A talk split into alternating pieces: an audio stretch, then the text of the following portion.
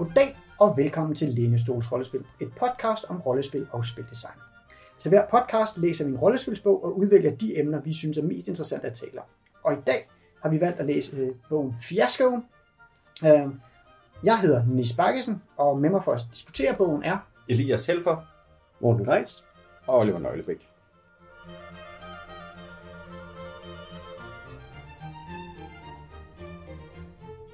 Morten. Kan du ikke også give os lidt af historikken bag den her bog? Jo, øhm, Fiasko er jo forfattet af Jason Morningstar, og det er ikke hans første rollespil, og det er et rollespil, han udgav i 2009. Uh, øh, inden da, der har han blandt andet lavet sådan et som uh, Sha- uh, Roach, The Shabbat Roach, som er Karakalak-rollespillet, der handler om en dæmonisk kulturyde Karakalak, der besætter uh, staben på et universitet, og så råber man en hel masse hinanden og begår gakkede ting, mens man spiller det, øh, og Jason Morningstar fik ligesom taget sig af sin kakkelakskræk. Og så, øh, og så har han sidenhen, hvad skal jeg sige, øh, her i 2009, så har han så lanceret Fiasko, og her i 2018, der arbejder han faktisk på second edition af Fiasko. Og Fiasko er jo en sjov størrelse, fordi den er jo tydeligvis en del af øh, indiebølgen, eller sådan de sidste sådan dele af øh, Forge-miljøet, indie-miljøet, som vi jo har haft op at vende, da vi snakkede om øh, Microscope og Navigate Age og Apocalypse World. Og dele af det kan man også godt se, at det er sådan en, en mere afslappet udgave af nogle af de langt mere stringente øh, spillederløse rollespil, vi så i midtnålerne, så som Polaris fra 2005 og Shock fra 2006.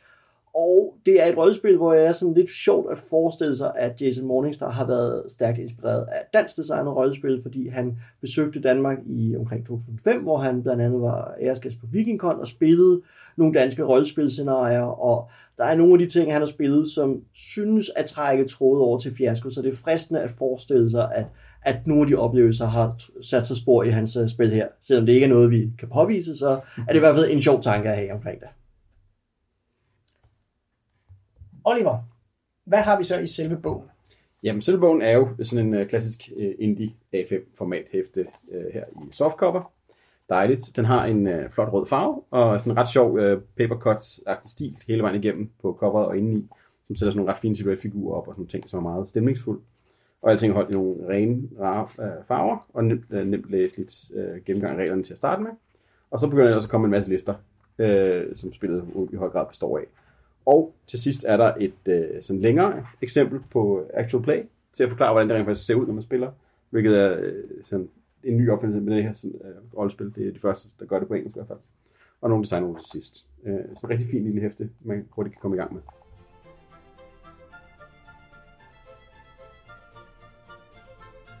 Noget af det, der er spændende i det her spil, øh, det er jo, hvordan man opbygger den her fiasko, der skal til at køre. Øh, og specielt måske, hvordan man laver karakterer. Kan du ikke fortælle os lidt om det, Elias? Jo, det kan du tro. Altså det man jo gør, det er, at man starter med at rulle en hel masse terninger. Man ruller faktisk fire terninger for hver spiller. Man skal spille 3-5 personer. Øh, så det er sådan en 12-20 terninger, man ruller. Øh, der skal være to hvide og to sorte per, øh, per spiller. Det er ikke så vigtigt, når man laver karakterer, men det bliver det senere.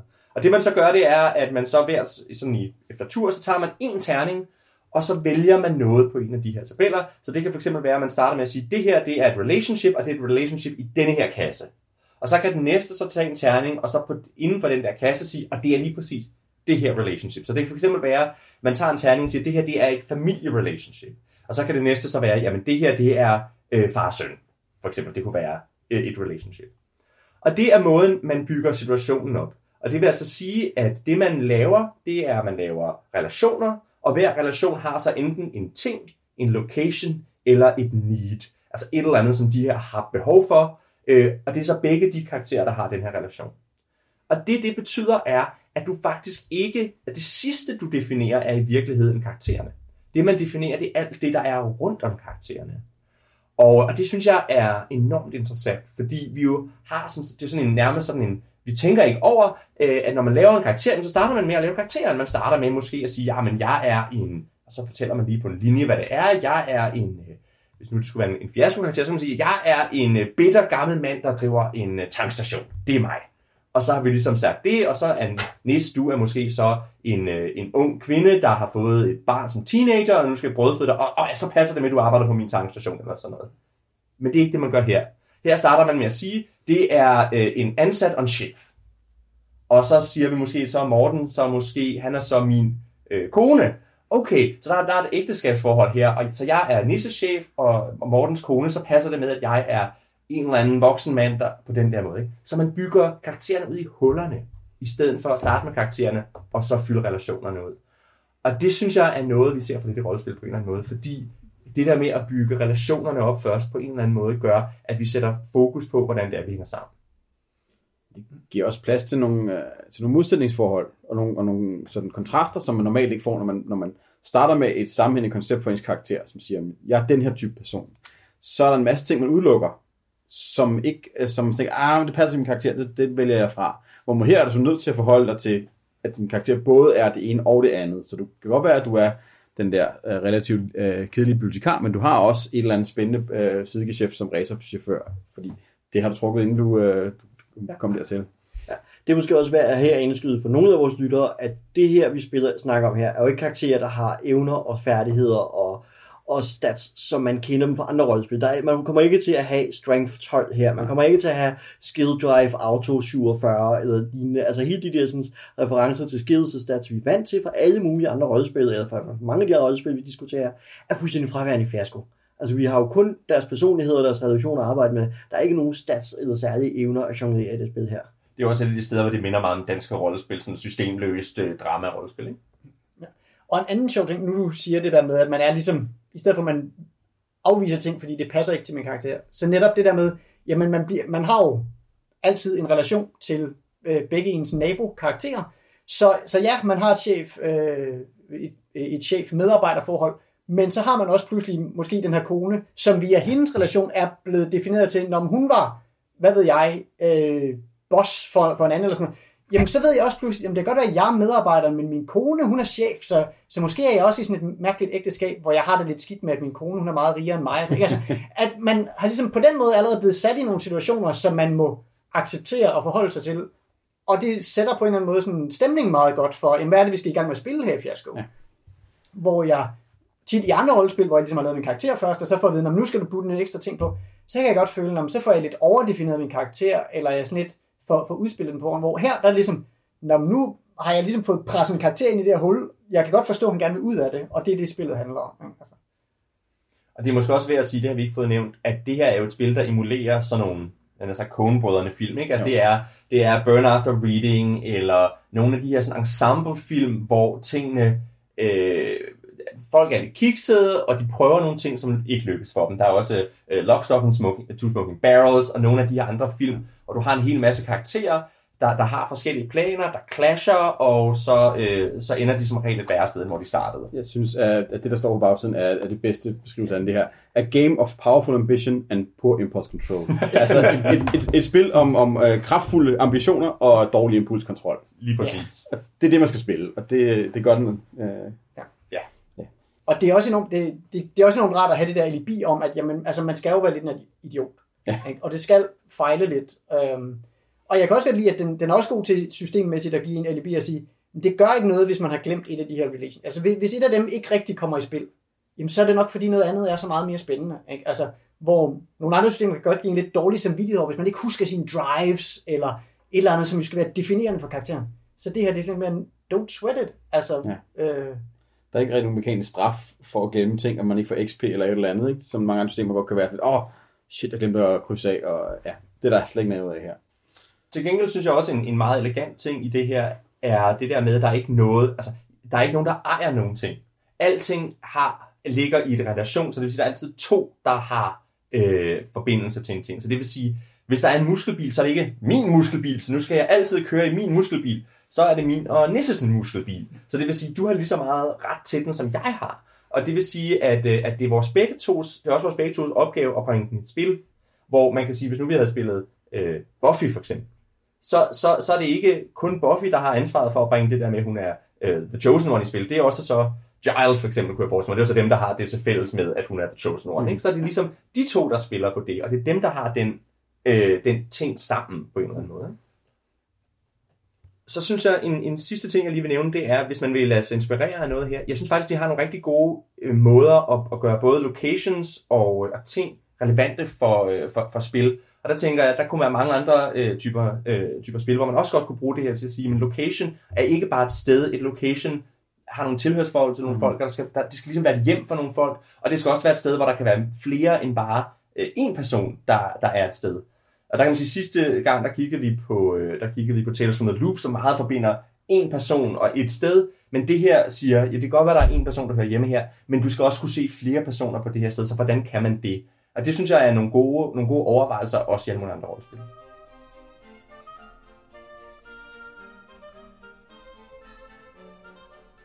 Nu har vi været øh, lidt inde på, hvordan man, øh, hvad det er, det her spil går ud på. Men kan du ikke fortælle os lidt mere om, hvordan, hvordan spiller man de her fiaskoer, Oliver?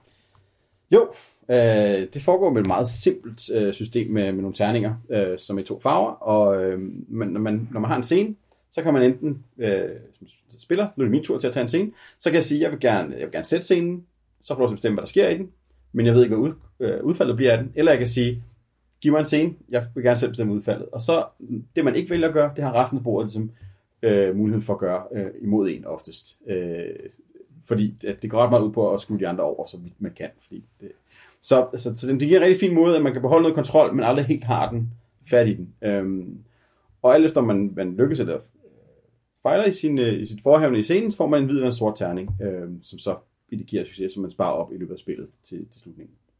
Og det er sådan en sjov amerikansk måde at sådan, øh, mekanisere det der med at playing to lose.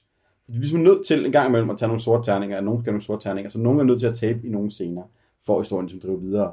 Øh, og det er sådan sjovt at se, hvordan den her mekanisk, mekanikken skubber på, at det vi andre gør her hjemme i Danmark, ganske fortrinligt uden hjælp med at ødelægge vores egen karakter, skal der lige sådan en mekanisk øh, undersøgelse i, øh, i her. Ja, fordi der kommer sådan en form for altså gaming ind over det. Ja. Det der med, at, at spillet, ligesom, teksten ligger i hvert fald meget op til, at man driller hinanden, man skubber til hinanden og siger, okay, du valgte en hvid, men så må jeg nu counter med en sort, ikke? Altså, ja. man kan gøre ting, og det er et eller andet sted ligger op til, at, at, man, at der er et metaspil mellem spillerne, at mellem det talte spil, eller det agerede spil, er der et spil, hvor vi sidder og skubber terninger frem og tilbage mellem hinanden, for at drille hinanden øh, og få fat i de bedste terninger. Og ligesom prøve at sige, kan jeg lave den terningpulje, der gør, at min karakter slipper godt afsted med det her, eller ret skidt, ikke? At, at der er noget gaming omkring, hvordan det her fungerer. Men samtidig med, så, og det synes jeg jo også er noget af det, der er interessant, det er, at der, der bliver noget dynamik. Vi kan enten sidde og drille hinanden, men vi kan også arbejde sammen. Og hvor jeg, hvor jeg tænker, noget af det, der ofte vil ske, det er, at man ret hurtigt finder ud af, at der er nogle karakterer, der er nogle helte, og der er nogle karakterer, der er nogle, der er, som vi er lidt mindre øh, med. Og hvor man så kan sidde som hele bordet i virkeligheden og hjælpes ad med at, at øh, få det til at gå godt for dem, vi gerne vil have det til at gå godt, og få det til at gå skidt for dem, vi vil have det til at gå skidt. Og så kan man sige, det er, ikke, altså det er ikke, i virkeligheden ikke nødvendigvis noget skidt, hvis det går ind dårligt igennem scenariet. Så skal man bare have det til at gå dårligt hele vejen igennem, ikke? fordi det er sådan til sidst, hvis du har, kun har de dårlige terninger, så er det godt. Og hvis du kun har de hvide terninger, så er det godt. Hvis du har en blanding, så er det, det sandsynligvis skidt. Ja. Men altså, og så synes jeg også, nu sagde Oliver det der med, at det tvinger ligesom de sorte terninger, tvinger en til, til at tabe men, men tilsvarende er det jo meget smukt, sådan for os uh, playing to lose uh, skandinaver, at jamen, de hvide terninger tvinger også en til at vinde. Um, og samtidig, så, og det tvinger jo så igen sådan et metaspil igennem, hvor jamen, hvis jeg tager kontrol over scenen, jamen, så kan det godt være, at jeg nu sætter den op, sådan så, okay, nu sætter jeg mig, virkelig mig selv op til at tabe, fordi det her kunne være meget cool, men så synes de andre jo, at det er meget sjovt i virkeligheden at lade mig vinde den her situation. Ja. Og, og dermed får min karakter tvunget ud et sted, som jeg ikke havde set det, hvilket jo er sådan et win for min karakter, men måske lidt en, ikke et tab for mig, men pludselig en udfordring for mig ja. i forhold til, hvad jeg, hvad jeg havde set. Og det, der er noget meget elegant i det der med, at det bare er, jamen der er 50% hvide terninger, 50% sorte terninger, de skal bare deles ud. Jeg synes, at den der symmetri, der er i det, øh, gør, at det er de spil, jeg rent faktisk kan trække direkte op i lommen og spille med danskere.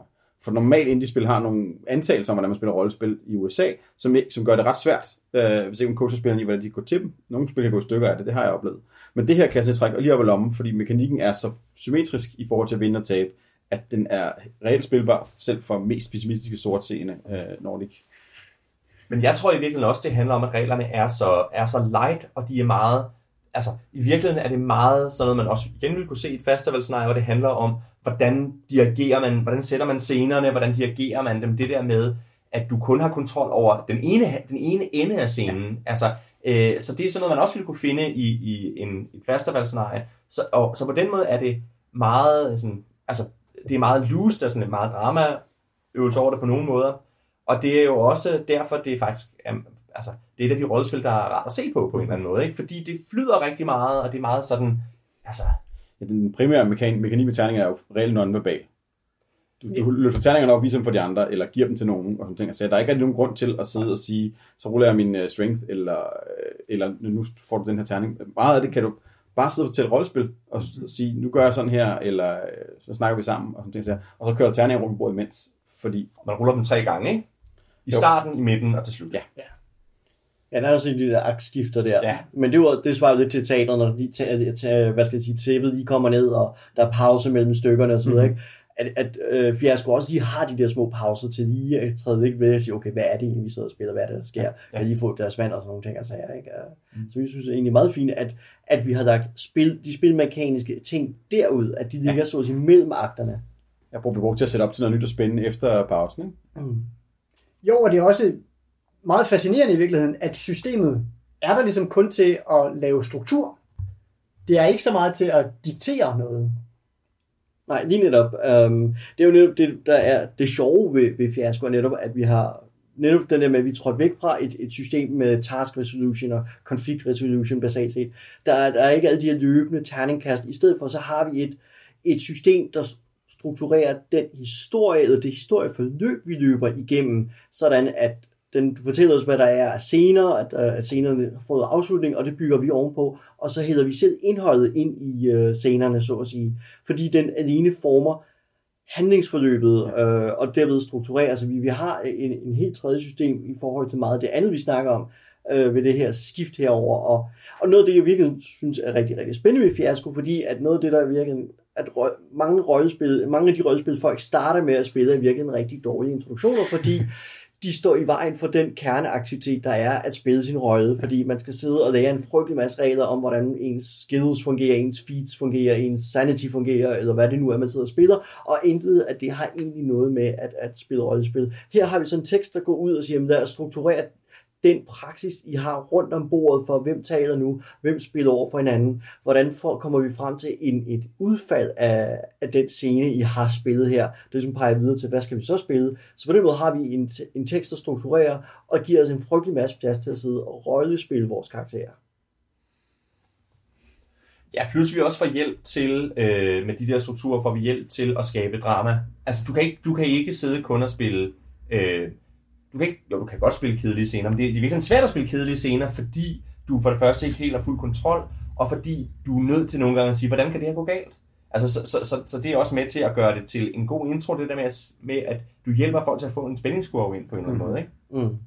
Jo, og noget, noget af det med spændingskurven, som jeg også synes er enormt fedt, altså, der, det er noget enormt fascinerende ved et spil, hvor man kan sætte sig ned og sige, okay, men det er så mange scener, vi skal igennem. Hvor langt er vi i spillet? Jamen, det kan jeg se på bordet på, hvor mange terninger, ja. der ligger tilbage. Jo, selvfølgelig kan en scene gå meget hurtigt, og en anden scene kan tage noget tid, før den ligesom kommer til sin resolution. Men stadigvæk, jeg, jeg ved, hvor jeg er henne. Jeg kan ligesom pace mig selv.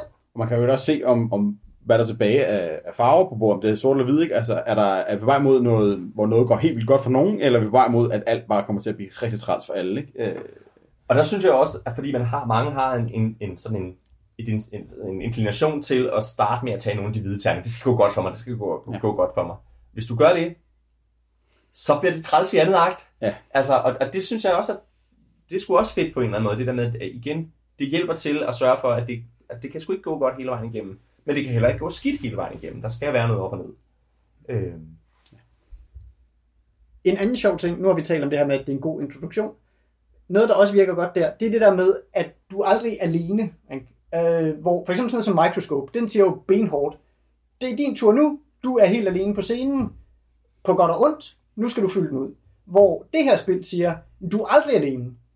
Du, enten får du lov til at sætte scenen selv, så skal du spille den, men, men du, nu har du fået lov til at sætte scenen selv, og så kommer alle de andre øvrigt som minimum til at blande sig i, hvordan det kommer til at gå for dig med den her scene.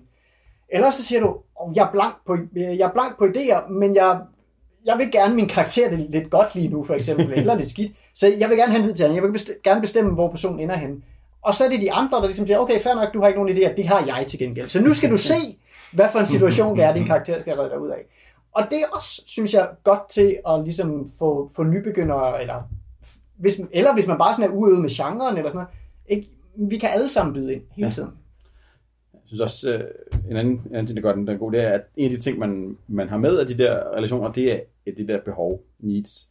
Øh, for noget af det, som jeg rigtig meget savner, når jeg spiller indie-spil med mine venner, det er øh, proaktive karakterer. Øh, de er rigtig meget skabt til, at spilpersonerne vil noget, men danske rollespil er rigtig reaktive, fordi festivalscenarie er, du så siger spillet, hvilken scene vi skal spille, det er den, hvor du skændes med din kone, og I bliver øh, enige om at skilles foran børnene. Så som du spiller, sidder man bare der og kigger, okay, nu spiller det for besked på. Eller man spiller Dungeons Dragons, hvor man ved, ja, døren går op, der er en ork, hvad gør du? Øhm, det er meget reaktivt spil, vi har i Danmark. Men det her spil, fordi der er de behov direkte kogt ind i, i terningslagene, så har man altså et sted at starte med at sige, okay, der er kufferten med, med det meget sjældne alligator i. Den skal vi have fat i. Og så er man ligesom i gang der. Og det kan altså være ret svært nogle af de andre ind i spil, øh, at få den, øh, det giver op at køre. Der er en strukturting, som jeg øh, kigger på. Jeg ved ikke helt, hvad jeg synes om det, fordi det mangler lidt en forbindelse til fiktion. Altså, der er meget lidt forbindelse til fiktion med mange af tingene, men, men der er alligevel nogen forbindelse. Men det er sådan, i første akt, der giver jeg mine terninger til nogle af de andre karakterer, og i andet akt, der tager jeg den selv. Så det vil sige, i andet akt, der kan man sige, at den, om hvis nu jeg har en scene, der slutter dårligt, så har det en direkte indflydelse på, hvordan mit spil, eller min karakters spil ender. Men i første akt er der slet ikke den der forbindelse. Tværtimod, hvis nu min, øh, min tankstationsejer, han ender med, at det er rigtig nederen for ham, så kan det have indflydelse på, hvordan Olivers karakters øh, spil slutter. Og det synes jeg er sådan en lille smule mærkeligt. Det handler selvfølgelig om, at man kan, så kan satse på de andre karakterer. Jeg tænker lidt, at investere i de andre karakterer og sige, okay, jeg, jeg, okay nu har jeg hørt mit karakter, jeg vil rigtig gerne have, at det går rigtig dårligt for, øh, for Mortens øh, trælse husmor derovre, fordi han lyder bare som karakter. Så her er en stor terning til dig, ikke? og så næste gang jeg får en terning, så får du også en hvid, fordi så har du i hvert fald starten på en dårlig, øh, dårlig dag. Der, ikke? Så det er mere sådan at investere i hinanden og give hinanden opbakning og sige, du lyder spændende, og lad os prøve at gå den her retning med dem. Og så i anden akt, der bliver man koblet til sin karakter, og lidt, fuck, jeg er nødt til at sørge for, at min karakter får nogle terninger af den rigtige farve. Så jeg er ligesom nødt til at give slip på, hvad der sker, men i stedet for at styre, hvor det kommer hen af. Man bliver mere i sin trakt ind i sin karakter. Jamen altså, jeg, jeg tror, du har ret, Oliver, men jeg giver sådan set Elias ret i, at jeg, det slog også mig som mærkeligt. Og jeg har sådan en snigende mistanke om, at det har lidt at gøre med, med den der amerikanske sådan, at være lidt vælen ved at play to lose det er, at okay, så taber jeg, men det er det mindste ikke mig selv, der lige hænger på den sorte terning øh, i første gang. Så, så, så kan vi komme i gang med at tabe. Altså er det okay, fordi jeg hænger ikke selv på, på det her nederlag. Jeg ved ikke, om det er der, den kommer mm. fra, men det hvor at på en eller anden måde, jeg vil i hvert fald hellere eje det med det samme, og ligesom sige, okay, nu, når det, så er det så, sådan, mit spil er kommet i gang. Fair nok, nu må jeg køre den derfra. Altså, jeg ser netop meget som en, der inviterer til netop, at man skal stikke hinanden, ikke? Og sige, okay, men du får den her terning her, ikke? At, at man dræder, og det ligger op til, at, at, hvad skal jeg sige, på den måde, er der et metaspil, der inviterer til at understøtte, at, at ting skal gå galt, altså der er fiasko, ikke? At der er noget spillets tematik understøttes af, at, at man har det her metaspil, som jo nogle gange kører fuldstændig lydløst mellem spillerne, mens man spiller, ikke? fordi at mens jeg skubber min hvide terning eller sorte terning over til en anden spiller, spiller vi videre imens, ikke? så der kører det her sådan ekstra lag af kommunikation med de spillet. Men så undrer det mig i virkeligheden, at man har valgt, og at det er i første akt, man giver dem væk, og i anden akt, man tager dem til sig selv. Og det er så meget defensiv måde at gøre det på, hvor man kan sige, ups, nu har jeg fået to sorte terninger, så må jeg hellere blive ved med at få nogle sorte terninger. Hvor det betyder, at når man kommer til tilten, så er der så nogen, der måske ikke har nogen terninger, øh, og dem er vi så ikke investeret i, eller hvor jeg tænker, hvis nu man gjorde det omvendt, så, kan vi, så har man virkelig fået skåret karakter, sat karaktererne op, og så kan man sige, det, nu investerer vi i dig. Eller handler det om, i virkeligheden om, at de der terninger også er med til at sige, hvem er det, der er hovedpersonen her? Det er måske virkelig det, det handler om. Jeg tror måske også, det er det med, at man taber kontrol over sin egen karakter. Ikke? Altså, det er ikke mig, der bestemmer, hvilken skæbne karakter får. Det gør vi i fællesskab i første akt. Og så kan jeg selv prøve at se, om jeg kan styre det, surfe den der bølge af sorte terninger et eller andet sted hen i anden akt. Øhm, så det, det, det, det altså, hvorimod, hvis man havde, havde kontrol i starten, og så senere bliver det noget kollektivt, vil det ikke have den samme sådan, øh, parallelt med narrativet i spillet. Jeg ser netop, at, at, at der er en, en form for, hvad skal jeg sige, netop refleksion mellem terningmekanik og så ja. fiasko-historien. Historien om, hvordan det går grueligt galt. Og der er netop den der tab af kontrol, øh, som er nødvendig, ikke? Altså, at ting skal spinde mere og mere ud af kontrol, ikke? At ting skal eskalere lige pludselig, så er der en, der står med en shotgun, og folk er ved at blive skudt, fordi det er derhenne, det her fjollede lille hejst om en øh, krokodille er gået, og det var slet ikke meningen, at det skulle gå så galt, fordi vi skulle i virkeligheden bare narre nogle hovedpinetabletter ud af apotekeren. Ja. Jamen, altså det, jeg vil give dig ret i, at det er selvfølgelig meningen, det skal gå derhen. Jeg må nok i det, dog i det hele taget sige, når jeg spillede Fiasco, jeg har haft enormt meget fornøjelse af den der struktur med, okay, bliver det her en sort eller en hvid terning? Hvad, hvad skal jeg ligesom spille på her? Men jeg har egentlig været ret lidt investeret i, hvad for en dice pool, jeg lige ender med. At det ikke, at selvom jeg godt forstår, hvad det er, der skal foregå der, så det er ikke ligesom sådan en, det er ikke en mekanik, der sådan har tændt mig enormt meget. Det er også en kulturforskel mellem Danmark og USA, ikke? Hele den der, som det hedder på engelsk, character advocacy. Altså man er fortæller for sin karakter, er jo sådan en, en grundpille i amerikansk rollespilsforståelse. Det er, jeg taler altid for min karakter. Hvorimod os, der har været faste, ved godt, at vores karakterer ofte er nogle komplette øh, idioter, som vi ikke rigtig har lyst til at holde med, fordi nogle af dem er ret fæle. Øhm, og det her det er de få spillere rent faktisk i USA går ud fra, at vi spiller folk, man ikke nødvendigvis har lyst til at holde med. Øhm, Men der er også noget med det der med, i virkeligheden, at vi, vi ruller først terningerne, når spillet er slut. På en Ja. eller, det, det er ligesom det er til epilogen. og Det vil sige, når, når, når, vi, når vi har spillet den sidste scene, så ved vi i virkeligheden ikke, hvordan det går karaktererne. Og det, det, det synes jeg også, der er noget mærkeligt i. Altså, så har man så en, en, en epilog, hvor man skiftes til at fortælle nogle scener om sin karakter, så man kan se, hvor det går henad. Øh, og, og det er sådan en, en rigtig fin mekanik, hvor man tager en terning og siger, det her er min karakter, der gør sådan her. Det her er min karakter, der gør sådan her, og så videre. Ikke? Men det betyder, at vi er sådan set færdige med det egentlige spil, når vi finder ud af, hvordan det går med karakterer. Ja, det er det også det, jeg oplever den største disconnect for mig i fortællemæssigt.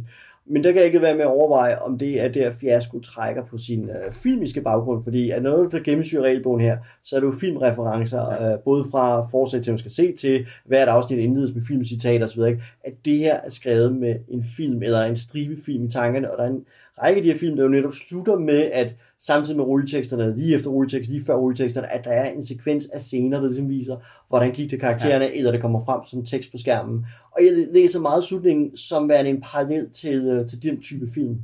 Men der synes jeg tit, det har været lagt op til, hvordan det så, eller, øh, måde, hvordan det går dem, er ikke, kommer ikke ud af den blå luft. Hvor man kan sige, at man har måske, hvis nu der er nogen, der ender med at dø, det ved vi allerede, at det, det indikerer man måske allerede før filmen er slut, ikke? Eller, altså, Men, men det, er jo, det synes jeg, at, at, det, at vores terninger er ret gode, for det skal blive spænding i det. Fordi igen, altså, så bliver det konsensusspil, og det er altså ikke så spændende, som, uh, som det er at rulle nogle terninger op dag. Shit, jeg klarede den sgu. Selvom jeg havde to sorte og to hvide terninger, så kom jeg sgu igennem. Uh, så jeg synes, altså, den, den, den holder spændingen til sidst på en måde, du ikke vil få, hvis du bare fortsætter med at vælge terninger uh, hele vejen igennem. Ja, altså der må jeg også sige, altså jeg kan godt lide at spille den der epilog. Altså det skulle ikke forstås på Nej. den måde, Mm. at altså, jeg synes det er sjovt at rulle mine terninger og se, nå okay, det var sådan det endte for ham, og nu skal jeg så finde en skæbne, der passer til de fire terninger, jeg har, og det resultat, jeg slog og sådan noget.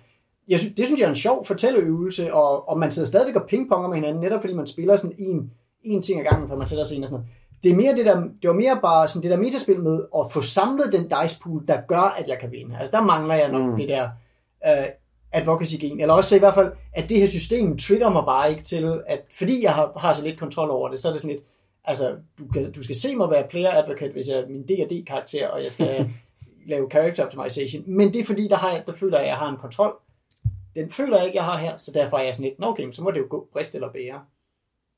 der er måske også noget med det der med, at du laver nogle karakterer øh, med, det, med, med henblik på, at nu skal jeg køre i smadre. Altså det, det er sådan lidt ligesom at, at køre sådan en makkerrace, ikke? At, at når man sætter sig ind i den der karakter, så ved man godt, at, at det er ikke sikkert, at, at det kan køre igen bagefter, men det er også okay. Ja, ja. Altså at, at det er lidt Det handler kun, næsten, det handler handler kun næsten om at vinde, jo. Jo, men hvordan vinder man i det her? Vinder man, altså det er virkelig sådan lidt gloom på rollespil, ikke? Altså vinder Jo, jo. man i virkeligheden ved at være den, der crasher og burner mest? Og er det i virkeligheden sjovest at rulle 0, så det går det aller værste, det overhovedet kan? Eller er det bedre at rulle 18? Altså jeg har på et tidspunkt spillet, jeg har spillet det en eller to gange det her, men den ene gang rullede jeg 0. Og jeg kan huske den der fornemmelse af at fortælle, hvad der skete med min karakter, og alle sad bare og tænkte, åh, Ja. det, åh, ja. Altså, det, det er virkelig Det er det, der er fedt at tabe, ikke? Jo. så har du meget mere at fortælle ud fra. Det er ikke fedt at sige, her er mig på flyet til Puerto Rico, her er mig på stranden med en uh, pina colada, her er mig i Hacienda. Det er ikke fedt at sidde og fortælle Nej. en succeshistorie, hvor man sidder og nyder alle sine alligator dollars. Øhm, men, men det fede er sådan, ja, her er, her er mig, øh, der ligger i, i det brændende øh, bil, øh, bagagerum, ikke? Altså, Altså jeg, i, altså, jeg har også svært ved at se, hvad der er fedt ved at sige netop, her er mig i Haciendaen og så videre. Omvendt, hvad kan man sige, bogen taler om de her karakterer, som netop er meget klassiske for filmene, med de her røvhuller, Ja. som det alligevel, som bare sejler igennem det hele. Og der må jeg indrømme, altså, at jeg har ikke set det i nogle af de fiaskospil, men men jeg vil egentlig gerne sådan, jeg kan godt lide, at den kan tvinge mig derud. At jeg kan godt lide, at spillet ligesom kan tvinge mig til at få succes med det her røvhul, som jeg egentlig helst ville have kørt i, kørt i seng. Ikke? Altså, at det synes jeg sgu egentlig er meget fedt. Og lyder meget sjovt. Måske bliver det ikke den sjoveste epilog, selv, men hvis man, selv, hvis man så kan være rigtig sådan ned, nedrig, med, altså man hvis man kan, ikke... Man kan virkelig godt så med den. Ja, Ja, jeg tænker, en ting, jeg synes, der kunne være sjovt at prøve med nogen, der kender det, det er, at man i virkeligheden ruller, hvor de andre ikke kan se det. Så de andre ikke ved, hvad der sker for min karakter. For så kan man lave det, her er mig på flyet. Her er mig på stranden. Her kommer, de, øh, her kommer mine, mine griske pengebagmænd, og vil gerne have deres penge. Så, oh, oh, altså, Ja, ja. At, at der bliver, så, så der bliver noget spænding for de andre, så jeg kan fortælle ja. noget fra dem. Ikke? Sådan lidt mere en Olsen-banden slutning. ja lige præcis. Ja, ja. men ja, Nå, men, men, men man kunne sagtens, man kunne sagtens, det her er jo også bygget til Olsen-banden. Ikke? Altså i virkeligheden, nu er jeg jo måske vores resident Olsen-banden ekspert, ikke? men, men, altså, men, men, men Olsen-banden har, har jo samme øh, struktur. Altså du har et lille plot, som går okay, så har du nogle skærmysler, så har du det store plot, hvor de får pengene, og så hjem, og så hoverer de, og så går det rigtig galt for dem. Det er der, man har the tilt, ikke? Som, mm. som, som det hedder det her, som er, er midterpunktet.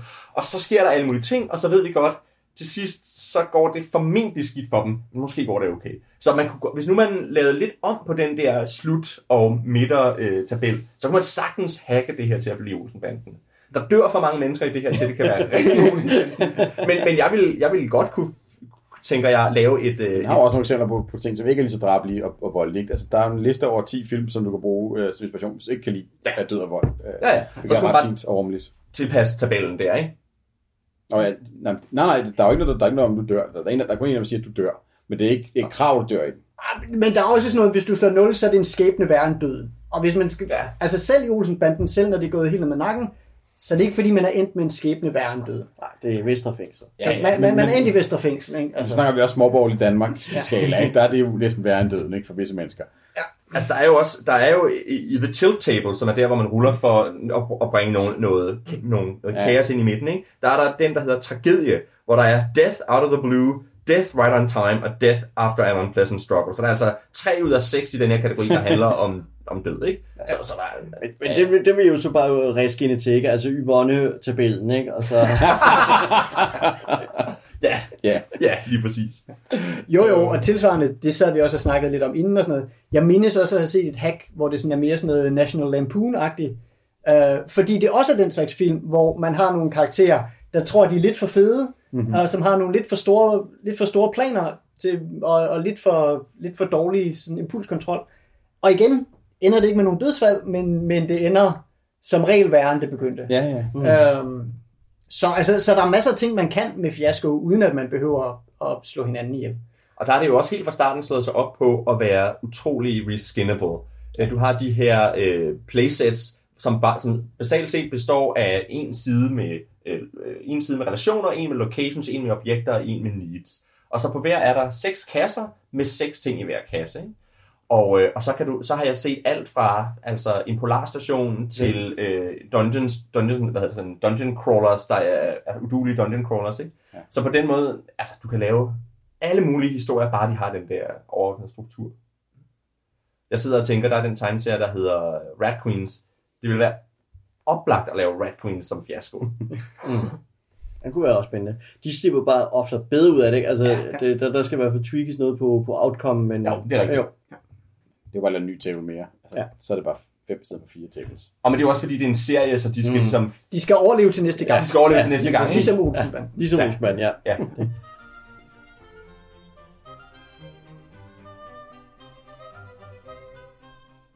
Ja, nu har vi øh, været lidt omkring fiasko. Um, så er der jo altid det store spørgsmål. Synes vi, det er en succes? Ja, altså det her er øh, øh, et af de mest tilgængelige spil, og det tror jeg er et spil, som vi alle sammen har haft super gode oplevelser med. Det er hurtigt at køre. Han skriver selv, at det kan køres på to og en halv time. Jeg kan ikke huske, hvor lang tid det tog, da vi spillede det, men det tror jeg godt, man kan, når man ved, hvad man skal lave. Ikke? Øh, og også fordi det er, så, det er så klart defineret. Du skal bruge et kvarter på at sætte op, og der tænker jeg, det, det er godt, han skriver det, fordi så får man at vide, skynd dig hurtigt videre, lad være med at tænke for meget over det, bare gør det. Så en time på første akt, en time på andet akt, og så en, en kvarter på afslutningen. Mm. Øhm, og i, i, de, i den der tid, der får du fortalt en pissegod historie, fordi der, du får så meget hjælp til at lave en spændingskurve, uden en masse regler, der går i vejen for dig. Det er, øh, det er rigtig godt lavet. Ja, altså jeg oplever det som et, et rigtig fint rollespil, et rigtig godt sted at starte, hvis man ikke har erfaring med rollespil, fordi der er primært, øh, hvad skal jeg sige, fokus er på, på den centrale øh, oplevelse i rollespil, nemlig at spille roller, og så får man lov til at spille noget, som er vældig underholdende, og det, hvor det kan komme til at gå frygtelig galt på, på særdeles charmerende manér. Så, øh, så nemt at gå til, hurtigt at spille, og vældig underholdende. Så alt i alt, øh, altså Grunden til, at det måske lyder lidt tilbageholdende, det er, at nogle af de andre rollespil, jeg har talt meget kægt omkring, Don't Rush Your Head osv., er fordi, så følger der en helt fantastisk verden med osv. Mm. Og Fiasco har ikke så meget verden. Der er ikke så meget verdensbygning, fordi det er en masse enkeltstående film, øh, man spiller osv. Så, så, det, øh, så det er det eneste tilbageholdende ved mig, er, at nogle af de verdener, vi så sidder og fremelsker og drømmer om, som Tales from the Loop osv., er fraværende i fiasko. Her har vi med et system at gøre. Så som verdensbygning er det ikke så spændende, men som systemmæssigt og som rollespilsoplevelse er det en storslået ting. Der synes jeg netop, det er det, der gør at det her spil er altså dejligt, for det er sjovt. Det er skide god komisk rollespil, men det du griner af, er det de andre finder på under bordet. Det er ikke de fortænkte jokes, som er skrevet ind i settingen, eller, eller opstår i mekanikken. Det er det er det, dine venner siger omkring bordet, der er det sjove. Jo, der er nogle tabeller i starten, man kan sidde og fnise lidt over. Men når du er færdig med at fnise over dem, så er du klar til at bruge dem til at lave videre på den samme joke og folde den ud og gøre den så sjov at følge med i. Øh, Det er også det, der gør, at det faktisk er et bedste rollespil at se øh, andre folk spille. Der er et rigtig fint afsnit af Will Wheaton's Tabletop. To der faktisk. To endda, ja. Hvor de spiller det her, og det er underholdende nok bare at se andre folk spille det her spil øh, på YouTube, hvis man har lyst til at at give det et kig. Ja, der er et link på vores øh, blog om det. Synes om jamen, det? jeg, jeg, synes, altså, jeg synes også, det, er- det er en fortrinlig oplevelse. Uh, har moret mig godt begge de gange, jeg har, jeg har prøvet at spille det. Um, nu har vi talt meget om, at det er nemt at gå til. Jeg vil sige to ting dog i den forbindelse, og det, hvad man siger, det er små nitpicks um, i forhold til, hvor fornøjeligt jeg synes, det er. Et er, at uh, hvad man, siger, man skal lidt kende referencerne, eller man skal lidt kende referencematerialet, man skal lidt gå ind med den samme øh, ting til det. Hvis man sådan, hvis nogen har set, ja, øh, tror at det er National Lampoon eller Olsenband, vi skal lave, og nogle andre øh, kommer til det med Lockstock and Two Smoking Barrels, så kan der godt være et, et clash der. Um, og hvad hedder det, der, det kan også godt føles som lidt en, en høj øh, bare, ikke? hvis man ligesom har de her, det er som regel nogle meget tight, øh, krydsklippede ensemblefilm, og øh, hvad man siger, hver eneste øh, detaljer, der er kælet for dem, og så kan man godt lidt sidde og føle der, okay, nu skal jeg finde på en scene, og den skal være lige så fed som, og der, man forestiller sig typisk også sin yndlingsfilm med det her, og så pludselig skal man nå derop, og det kan godt give sådan lidt et, øh, hvad hedder det, sådan være lidt hård øh, start, og det kan også godt øh, give sådan lidt, at man sidder bagefter og tænker, fuck, det var det her, jeg skulle have gjort. Men altså, det betyder ikke, at man ikke får en fornøjelig oplevelse ud af det. Um, det betyder bare, at det kan godt, der kan godt være de her toner af sådan, ah, man kunne gøre det bedre. Men så har man jo tid til at spille en omgang mere. Altså, fordi det er, og det, det synes jeg også er noget ved det, at, at, øh, at fordi det er så hurtigt, og fordi du ikke, du har ikke brugt en masse energi på setup'et, så, så, øh, så gør det ikke så meget. Hvis du har siddet og kælet for en karakter, og det så ikke lige går så godt for dem, det bliver træls. Her, altså, herregud, ikke? Det, det går så snabbt. Helt sikkert.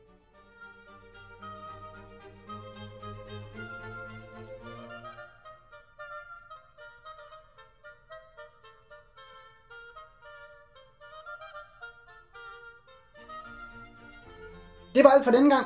Hvis du vil kommentere på dagens afsnit, øh, eller bare sige hej til os, så kan du finde os på lænestolsrollespil.dk. Du kan også finde os på Facebook, hvor vi er Lænestols Rollespil, eller du kan skrive til os på kontakt at lænestolsrollespil.dk. Vi er Elias Helfer, Morten Greis. Og Leon Nøglebæk. og Niels Bakkesen. tak for denne gang. Vi håber, I vil lytte med næste gang, hvor vi snakker om et lytterønske, nemlig Paranoia Second Edition. Og så har vi rullet på Aftermath-tabellen, og synes selv, vi er sluppet ud af det med skinnet i behold.